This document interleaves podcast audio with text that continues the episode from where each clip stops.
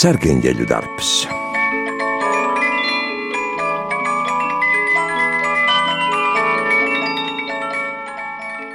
Es pat nezinu, kā viņš izskatījās. Klusi teica Lūcija. Taču viņas māte tomēr sadzirdēja. Kopš gandrīz notikušā negadījuma Lūcija bija ļoti mainījusies, kļuvusi daudz klusāka un domīgāka. Tas jau arī notika pārāk ātri, teica māmiņa. Bez tam viņam bija motociklista aizsargķivere. To taču tu stāstīji, Lūcija. Kā? Vai tad sargeņģeļi valkā aizsargķiveres? Kāpēc aizsargķiveres? Un tad māmiņa atcerējās, viņa pati bija sacījusi, ka Lūcijai noteikti bijis sargeņģelis, citādi būtu noticis nezin kas. Jaunais motociklists bija pamanījies nobremzēt, kad Lūcija grasījās šķērsot ielu, jo otrā pusē bija parādījusies viņas draudzene. Lūcija kārtējo reizi nebija ievērojusi satiksmes noteikumus. Nu, reizēm sargeņģeļi valkā aizsarg ķiveres, teica māmiņa, beidzot atbildot uz Lūcijas jautājumu.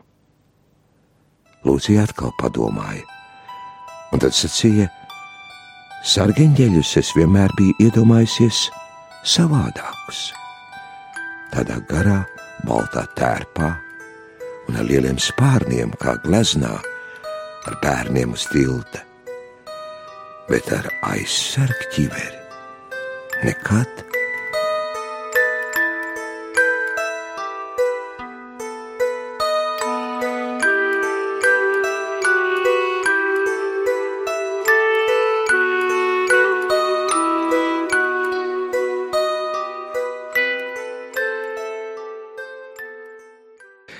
Jā, sargeņģeļu darbs kļuvis daudz modernāks.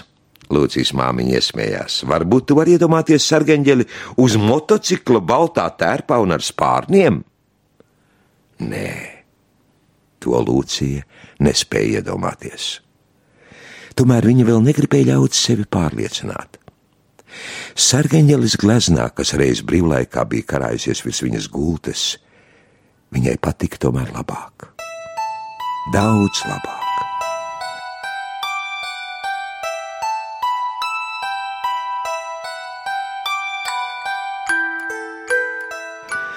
Lūcija labprāt būtu gribējusi atkal redzēt savu sargeņģeli motociklistu, lai viņam pateiktos.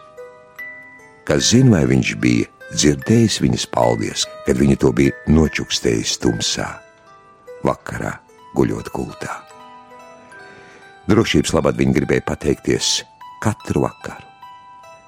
Gan jau viņš reiz sadzirdēs, meitene nodomāja. Nebija jau tikai šī viena reize. Lūcija atcerējās vairākus gadījumus, kad bija izglābusies, negūstot savainojumus, bet par tiem māmiņa nezināja. Tas bija viņas un sargeņģeļa noslēpums.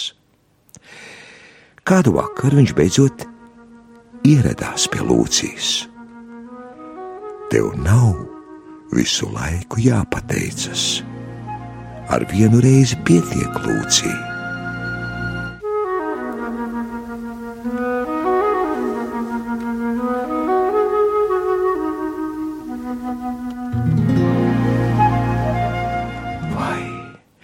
Es tikai domāju, ka tu esi ļoti aizņemts un neesi to dzirdējis. Lūcija gultā pavirzījās tā, lai sargeņģelis varētu apsēsties uz gultas malas. Protams, viņam mugurā atkal bija motociklista apģērbs un aizsargķivere.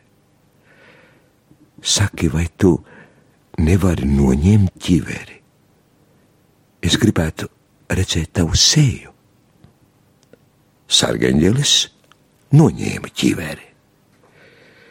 Viņam vismaz ir gaišas sprogas, nodomāja Lūcija, bet citādi nekā sevišķa. Jūties vīlusies? jautāja sargeņģelis. Jā, mazliet, atteica Lūcija. Viņa zināja, viņš pamanīs, ja neteiks taisnību.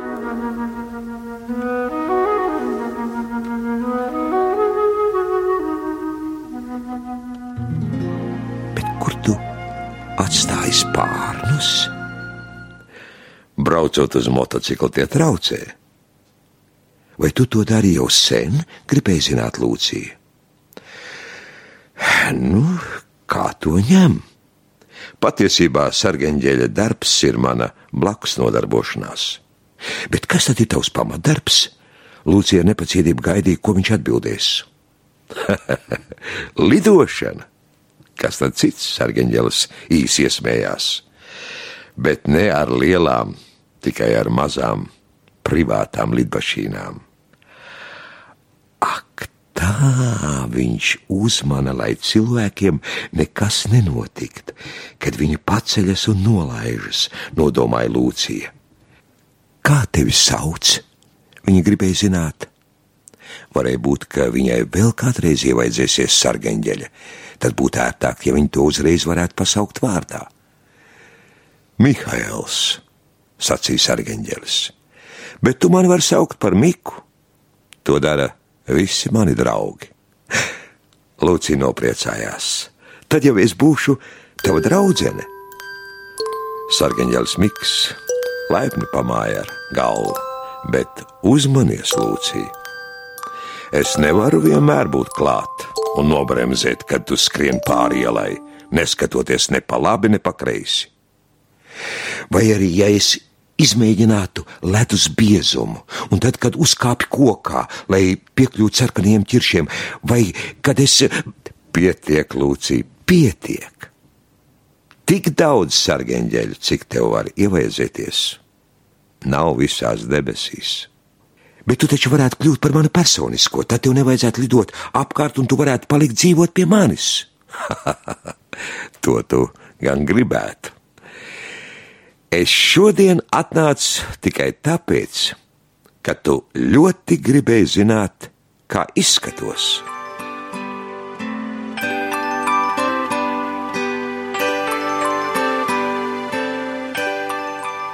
Lūcija mazliet nokaunējās. Jā, tā ir taisnība. Un tagad es zinu, turpmāk es tevi pazīšu. Sargeņģelis Miks papurināja galvu. Tam es neticu Lūcijai. Jo sargeņģeļiem ir daudzas sejas. Reizēm te izskatās kā es, citreiz kā veca sieviete vai kaimiņš, vai varbūt pat tas, kuru tu parasti nevar ciest. Lūcijai tādas runas nepatika, bet tas ir grūti, viņa sacīja. Miks paņēma motociklista aizsargķiveri un sniedza Lūcijai roku. Bet, nu, dusi saldi. Un atceries, ka sargeņģeļa pienākumi ir tikai mans papildarbs. Tātad esi uzmanīga. Pirms Lūcija vēl ko spēja pateikt, sargeņģelis bija nozudis.